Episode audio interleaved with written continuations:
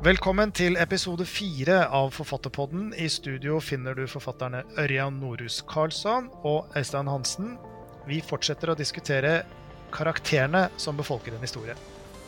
Et viktig tema er hva som driver en karakter. Altså hva er denne karakterens motivasjon? Eller for å si det på en litt annen måte, hva det egentlig som står på spill for vedkommende.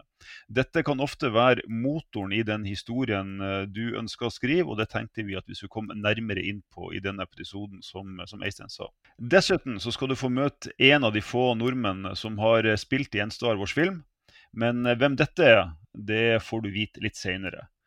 Jeg har lyst til å trekke fram et eksempel som ligger langt utenfor uh, sjangeren uh, Ørjan og jeg normalt skriver i, nemlig boka 'Sommeren uten menn' av Siri Hustvedt.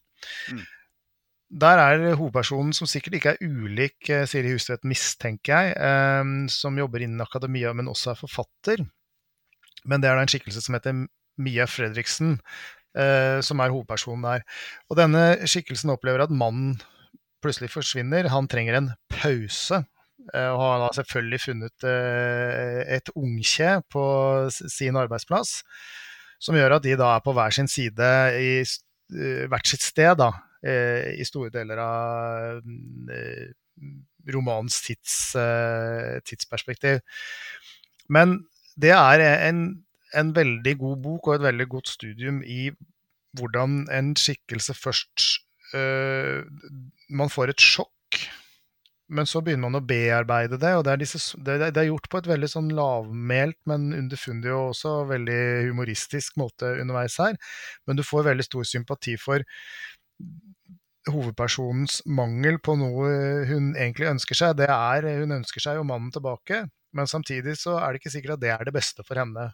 Og det, det, der eh, brukes dramaturgisk på en helt eksemplarisk måte i denne historien. Jeg skal mm. ikke si hvordan det ender til slutt, men den er veldig interessant. Og der, når vi var inne på bikarakter, så dukker det opp andre kvinneskikkelser som da har andre utfordringer med menn underveis her. Så hun, hun skriver jo dette ut fra et kvinneperspektiv, definitivt.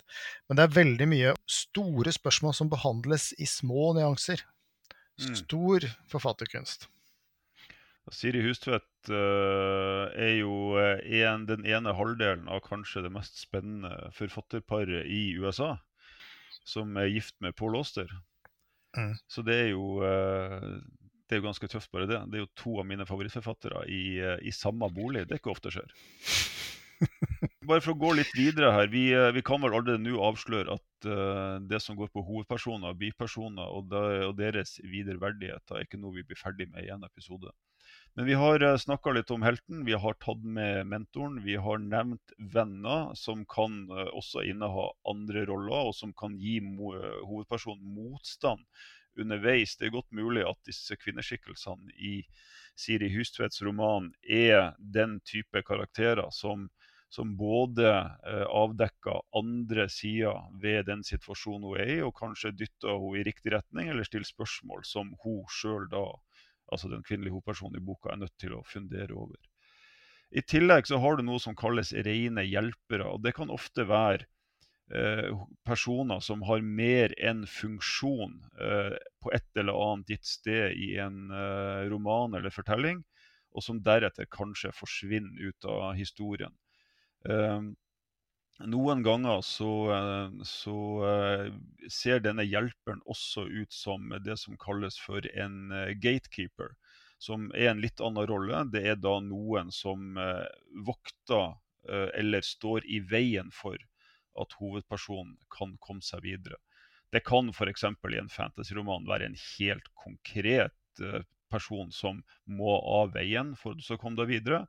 Men det kan også være en, en, intellektuell utfordring eller noe man ikke skjønner til å begynne med, men som man innser etter hvert, og som gjør at man kan utvikle seg eller komme seg videre i historien. Slik at disse arketypene kan også være funksjoner. Eh, de kan være situasjoner som eh, avgrenser én del av fortellinga eh, mot den neste, som, som hovedpersonen på et eller annet tidspunkt må komme i gang med, men som man til å begynne med i fortellinga kanskje ikke er moden nok for å forstå. Og Et godt eksempel der er uh, The Matrix. Eh, og eh, den verden som Neo lever i før han svelger den, den, pillen som han, han får av Morpheus. Og da er både Morpheus en gatekeeper, en mentor og, og en hjelper i ett og, og, samme støpning i akkurat den scenen. Det er sånn at både for hovedpersonen og for bipersonene så bør det stå noe på spill. Det er klart, Hvis du har en veldig liten biperson, så er ikke det kanskje så viktig. Den, der kan funksjonen være litt annerledes. Men de sentrale skikkelsene i en roman, der bør det stå noe på spill. Um, og Hvis du relaterer det til hva de trenger og hva de ønsker seg, så uh, har du plutselig veldig mange kombinasjoner og veldig mye å spille på i både når det gjelder tid og, og i lag i historien underveis. Men det som kan være verdt å tenke litt på, Uh, og som er helt sentralt, er jo liksom, hva er det vi som lesere opplever som store nok problemer da, uh, til at vi tror på den utfordringen. Er det kjærlighet? Er det ære? Det å holde seg i live det er jo en utfordring alle kan føle på. ikke sant? Skal du forhindre en forbrytelse, uh, forhindre en katastrofe? Dette er jo typisk, typisk for thrilleren som sjanger. at da, da, noe, da, skal man forhindre noe, og man er også hensatt i en situasjon hvor man ikke kan kontrollere de ytre påvirkningsfaktorene. da. Og, og det, da blir det slik at um, personen har et eller annet som er så viktig å forholde seg til, at du som leser blir oppslukt av, av hvordan går dette her. Blir det de to? Kan vedkommende få gjenopprettet sin ære? Blir vedkommende drept, eller klarer vedkommende å overleve? Sånne ting. Det må virkelig, virkelig, virkelig stå noe på spill. Og når det ikke gjør det, da er det liksom ikke relevant. Nei, altså Da er kanskje ikke den historien verdt å fortelle. Og om det som står på spill, er skjebnen til planeten, som i filmen uh, 'Deep Impact' eller 'Armageddon', eller om det er overlevelsen til en enkelt person, det er ikke så viktig. Det som er viktig, er at du som leser oppfatter det du leser, og den kampen som, uh, som vedkommende som bærer historien, at den er viktig. Og er den viktig for, uh, for uh, hovedpersonen, så er den viktig for forfatteren som har skrevet den, og da er den ganske så sikkert viktig for deg som leser det også. Så det å løfte frem dette, sånn at som Eistein sa i sted, når Siri Hustvedt forteller om dette bruddet og bruker et nøkternt og lavmælt språk, så virker det fremdeles veldig påtrengende for leseren. Det er interessant, det er relevant, det er spennende. Og det er det som, eh, som gode forfattere evner å få frem i, i, språket. Hva er det hovedpersonen vil? Hva ønsker han å få til? Hva står på spill? Uh, og da kommer det inn en, en, nok en av disse bipersonene som er veldig spennende. Det er det som kalles for uh, formskifteren. Uh, I westernfilmer så kalles han ofte den grå. Det er da den som du ikke helt vet om er venn eller fiende før kanskje helt mot slutten. Dette kan i utgangspunktet være en eh, karakter som utgir seg for å være en venn, og som skifter side underveis. Og det er, det er, kanskje en av de mer spennende bipersonene man kan jobbe med. Særlig hvis man ikke får leseren, eller den som ser på, til å forstå at det er noe falskt ved denne, før det kanskje er for seint. Det fins jo Eh, gode eksempler på dette i det litterære universet. Jeg har vært inne på 'Ringenes herre'. Saruman i 'Ringenes herre' er et veldig godt eksempel på dette. Mens f.eks. Grima Ormtunge, som han heter på eh, norsk, eh, er en person som du ser er falsk fra første setning.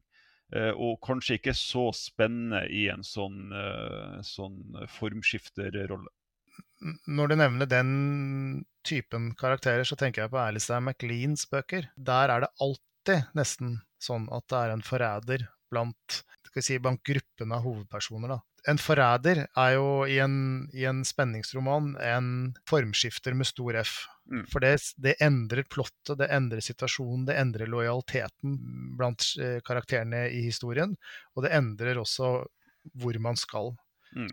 Og disse formskifterne er jo de som står for de største um, dreiningspunktene. Ja. Og, og, noen ganger så kan, så kan, jo disse formskifterne vise seg å være selve hovedfienden. Og da er det jo én film som er kanskje vist etter bedre enn noen. Uh, og det er da uh, De mistenkte, eller usual suspects som det heter på engelsk, der Kaiser Sjåse uh, er da den mytiske figuren som man mistenker er den som står bak det hele. Og så viste det seg at vedkommende er midt iblant dem.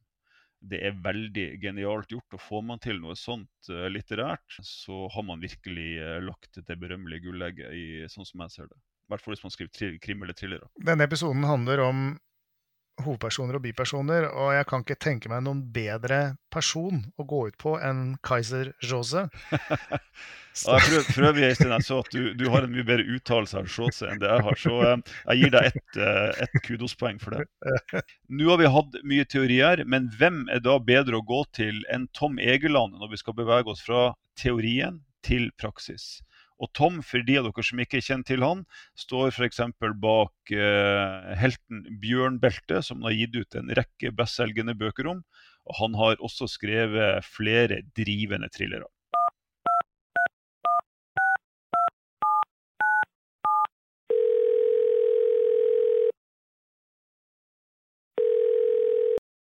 Hallo, hallo. God dag, god dag. Ja. Um, ja, men så hyggelig at du kan være med på dette, da, Tom. Nei, det er bare hyggelig. Jeg har vært med før, ja. ja. Det er en ny bok om Bjørn Belte. Det kommer jo som en overraskelse på mange, men kan du fortelle litt om den? Det er jo en, den niende romanen om Bjørn Belte. Jeg tok farvel med Bjørn Belte i 2018, trodde jeg. Jeg følte at vi var ferdig med hverandre. Jeg hadde skrevet tre beltebøker på rappen og følte et intenst behov for å skrive noe helt annet. Så da skrev jeg noe helt annet, som var to thrillere, 'Falken' og 'Kongen'. Men mens jeg jobbet med disse to frittstående bøkene, så banket Bjørn Belte på døren igjen med det jeg følte var en jævlig god idé Nemlig hvem var Judas, og hva skjedde egentlig da Judas forrådte Jesus for 2000 år siden? Og den uh, historien eh, trengte seg på med en så intensitet at jeg til slutt ble nødt til å skrive boken. Så det gjorde jeg. Men det der er jo egentlig veldig interessant i lys av at vi har denne episoden om karakterer og karakteroppbygging. For Snakker du med Bjørn Belte? Det, jo, det kan være interessant å høre om. ja, jeg, i, i, Bjørn, i, i Sølvmyntene så snakker jo Bjørn Belte med sin avdøde far. Uh, jeg vil vel ikke si at jeg i, i bokstavelig forstand snakker med ham. Altså, jeg vet jo utmerket godt at han er uh, oppdiktet figur i min fantasi. Men uh, det er nok sånn at uh, han leker seg i hodet mitt. Uh, enn så lenge er jeg vel såpass vel bevart at jeg skjønner at det er fantasien min som herjer med meg. Men, men, det er klart at på på ett nivå kan du jo godt si at jeg snakker med ham i den forstand at eh, han melder seg med, med ideer, uh, temaer for uh, mulige bøker. Mm. Du, du, Tom, Bjørn, er, Bjørn Beltø er jo en av de mest markante karakterene i nyere norsk spenningslitteratur. Og han har jo det, det er mange som føler at de kjenner ham. Kan du ta oss litt tilbake til når han først dukka opp for deg, eh, og, og hvordan han, han, ble til som en såpass distinkt eh, karakter som han, som han er i dag? Ja, da må vi jo bortimot 20 år tilbake i tid. Eh, første boken om Bjørn Belte het 'Sirkelens ende'. Eh, da, det var den fjerde boken jeg uh, skrev. Jeg hadde skrevet to uh, sånn Stephen King-aktige grøssere. Og så hadde jeg skrevet en, en kriminalroman som het 'Trollspeilet'. Som nok var en av de første, om ikke den første, seriemorderthrilleren i norsk krimlitteratur. Da hadde jeg lyst til å skrive en Altså det som jo i realiteten ble en krim uten en forbrytelse. Altså største forbrytelsen i sirkelens ende er jo et brudd på kulturminnevernloven. Uh, og, og, i dette arbeidet så lå jo også utviklingen av jeg-personen, altså hovedpersonen Bjørn Belte. Uh, og jeg kan fortelle om, om, hvordan jeg skapte Bjørn. Uh, bare advare i hvert fall mine lesere om at det å åpne verktøykassa på en sånn måte er jo å ta litt av magien ut av uh, litteratur. Men uh, dette er jo en uh, podkast hvor vi kanskje kan tillate oss det. Mm. Jeg Altså, på den tiden og for så vidt mange år før det, så var jo alkoholisert helt det store i litteraturen. Uh, altså tilbake til uh, amerikanske hardkokte forfattere, hvor jo detektiven uh, hadde whiskyen i skrivebordsskuffen. Og så fikk vi jo Varg Veum av Gunnar Staalesen, som jo på langt på vei er en pastisj på den typisk klassiske amerikanske detektiven. Uh, her hjemme hadde vi jo også selvsagt Harry Hole, som hadde eksplodert på det tidspunktet. Og jeg lette etter en, en, en, et karaktertrekk ved, ved, min hovedperson, da, som ikke var alkoholisme. Og var innom alle de svakheter du kan tenke deg. Altså de fleste litterære hovedpersoner har jo en, en svakhet, en akilleshæl. Og eh, jeg vurderte om han kunne være blind og stum, men kom vel til at det ville være vanskelig å skrive 500 romansider om en blind eller stum hovedperson. Men eh, så kom jeg etter hvert frem til albinismen, da som jo er et handikap som ikke er sånn kjempealvorlig, men det ga meg samtidig naturlig, et naturlig fundament for Bjørn Beltøs karakter. Altså han føler seg annerledes, han føler seg utenfor, han føler at eh, resten av verden står imot ham. Uh, sånn at da, da, først albinismen var, uh, var bestemt fra min side, så, så, ga resten av Bjørn Beltø seg selv langt på vei. Uh, han hadde en traumatisk oppvekst. Han, han var den i guttegjengen som aldri fikk være med å slå, slå ball og, og den type ting. Så det, det, var jo en, en, en, en langvarig prosess da, som til slutt uh, munnet ut i, i Bjørns uh, personlighet og karaktertrekk. Men når du har uh, et sånt spesielt trekk som albinisme tross alt er, så kan du jo det, Hva gir det deg av input når du skriver? Nei, på ett nivå så, så, er det jo lett å se for seg at han trer visuelt tydelig fram for leseren. Uh, på samme måte som hva skal vi si, en asiatisk eller halvt asiatisk person vil liksom tydelig stå fram i, i, i, i, hodet til en leser. Men uh, det, det, er jo lett selvsagt å, å, å, spinne videre på et sånn type handikap, fordi det er ikke ekstremt hemmende. Altså du får dårlig syn og du sliter i solskinn og en del sånne ting, men uh, en, en, en, albinist er jo velfungerende på alle mulige andre måter. Men det jeg valgte å dvele ved, var jo nettopp denne følelsen av utenforskap, av annerledeshet og det har nok, eh, det har nok formet Bjørn eh, på en måte som, som etter hvert med årene har gått opp for meg som hans forfatter, at han har et uh, inntrykk av verden som rett og slett ikke stemmer. Og det, det, er ganske interessant. altså Bjørn tror jo alle ser ned på ham og er imot ham og motarbeider ham. Og det er nok ikke sannheten, det er ikke virkeligheten, men det er sånn Bjørn oppfatter den.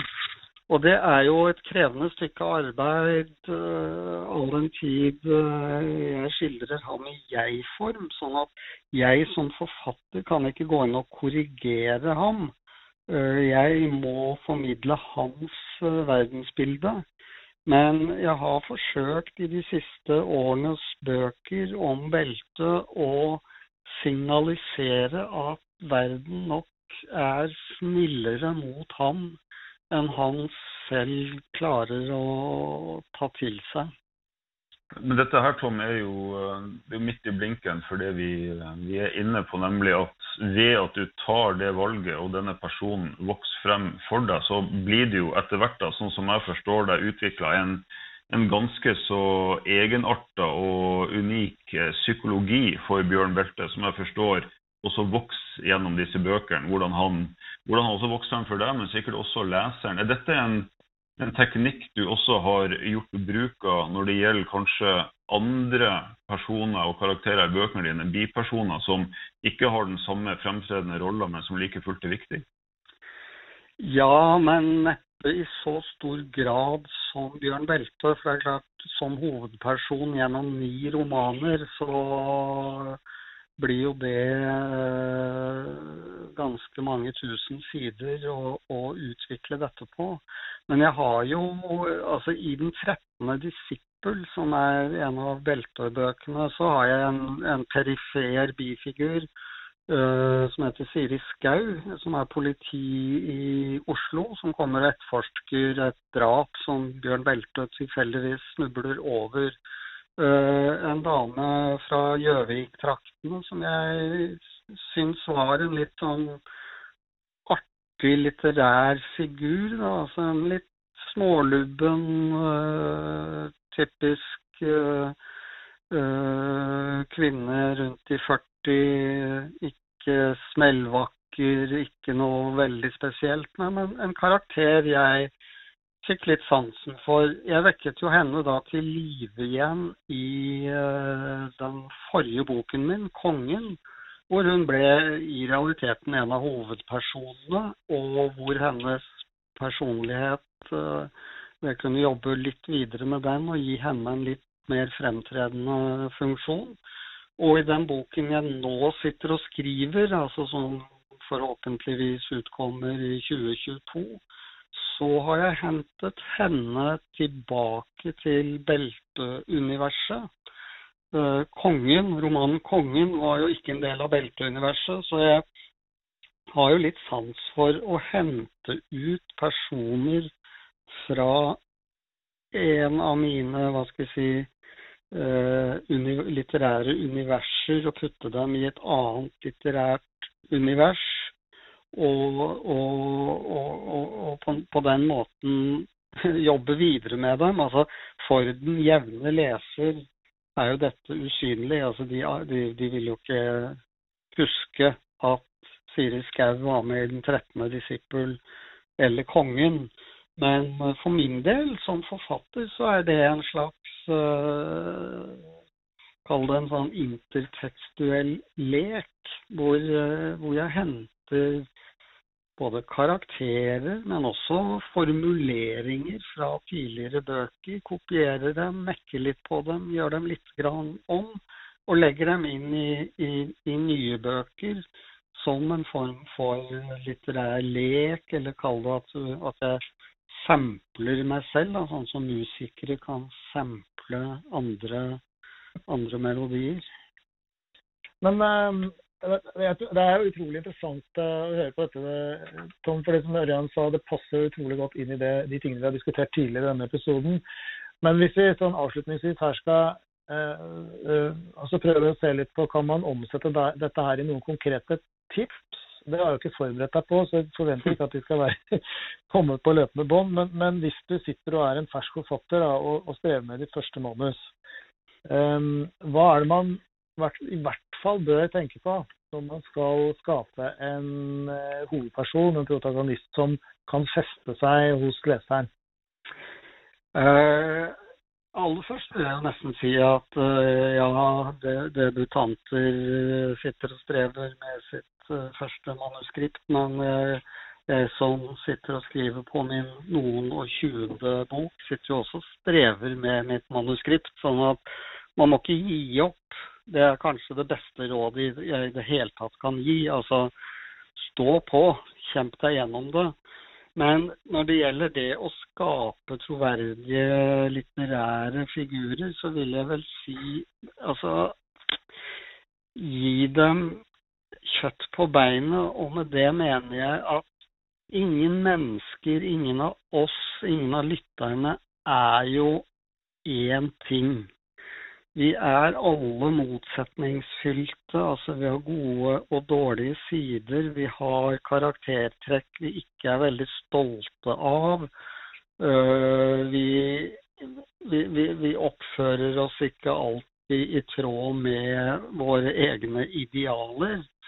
Og jeg tror at en litterær hovedperson blir mer levende hvis han eller hun ikke er én ting. Ikke sant? Altså ikke en superhelt, feilfri, øh, ens, entydig, ensrettet. Gi en hovedperson og for så vidt bipersoner trekk som gjør dem flerdimensjonale. Altså eh, selv om det er din eh, litterære helt, selv om det er en hovedperson, så kan han eller hun gjøre dumme ting, gjøre ting han eller hun angrer på. Eh, så jeg tror det der å, å, å jobbe fram veldig menneskelige trekk, som f.eks. Altså alkoholismen til Harry Hole, er jo i stor grad det som gjør Harry Hole til en litterær helt som vi alle heier på og bryr oss om. Hadde han vært helt streit, feilfri, så ville han vel sannsynligvis vært litt kjedelig. Sånn at det der å lete etter svakhetene og det personen selv kanskje ikke er så stolt av, er i hvert fall et godt sted å begynne jeg bruker jo, i hvert fall når jeg skriver, så bruker jeg meg sjøl som en sånn, uh, sånn testplanke nærmest for, å, for reaksjoner, hva jeg er redd for og, og mine svakheter og styrker. Så hvor mye av, uh, Tom Egeland er det egentlig i, uh, i Bjørn Belte? Jeg får jo ofte det spørsmålet liksom, er jeg Bjørn Belte, og svaret på det er jo nei. Samtidig er det jo sånn at vi forfattere lever jo ikke i et vakuum. Og det er klart at uh, Bjørn Altså veldig mye av mine personlighetstrekk ligger igjen også i Bjørn Belte, men kanskje med uh, Altså kanskje veldig overdrevent, da. Men altså jeg, i likhet med Bjørn, jeg har mine nevroser og nerver. Jeg kan være veldig sjenert. Uh, jeg kan ha et hva skal vi si, livssyn og et, en livsanskuelse som er identisk med Bjørn Belte. Altså at jeg bruker jo rett og slett Bjørn Belte til å formidle mitt syn på guder, eh, liv og død og tro og alle disse tingene. Eh, men samtidig er jo ikke Bjørn Belte et selvportrett. Men jeg er nå det mennesket jeg kjenner aller best her på jord. Eh, og da er det nok nærliggende for meg som forfatter å gripe fatt i mine hva skal vi si, indre særegenheter og, og gjerne også problemer, uh, og forstørre dem for å gi Bjørn Belte et skinn av troverdighet. Bruk deg selv, altså. Det er tipset. Ja, jeg syns det. Eh, men eh, det er klart at er man eh, Altså har man ikke et veldig spennende indre sjelsliv, så er det jo lov å smøre tjukt på. For det litterære karakterer må jo være på ett nivå litt sånn larger than life. Det, det tror jeg nok. I hvert fall innenfor sjangerlitteratur som, som f.eks. krim. Uh, er man en genial uh, skjønnlitterær forfatter i, i det mer allmenne litterære landskap, så kan man kanskje klare å lage en kjempespennende karakter av et veldig vanlig menneske, altså eksempelvis romanen 'Stoner'. Men uh, de fleste av oss tror jeg nok må ty til litt overdrivelser og litt effekter for å gjøre våre karakterer ekstra spennende. Veldig interessant, Tom, og tusen takk for at du tok deg tid til å være med. Bare hyggelig. Vi ringer nok igjen. Bare hyggelig.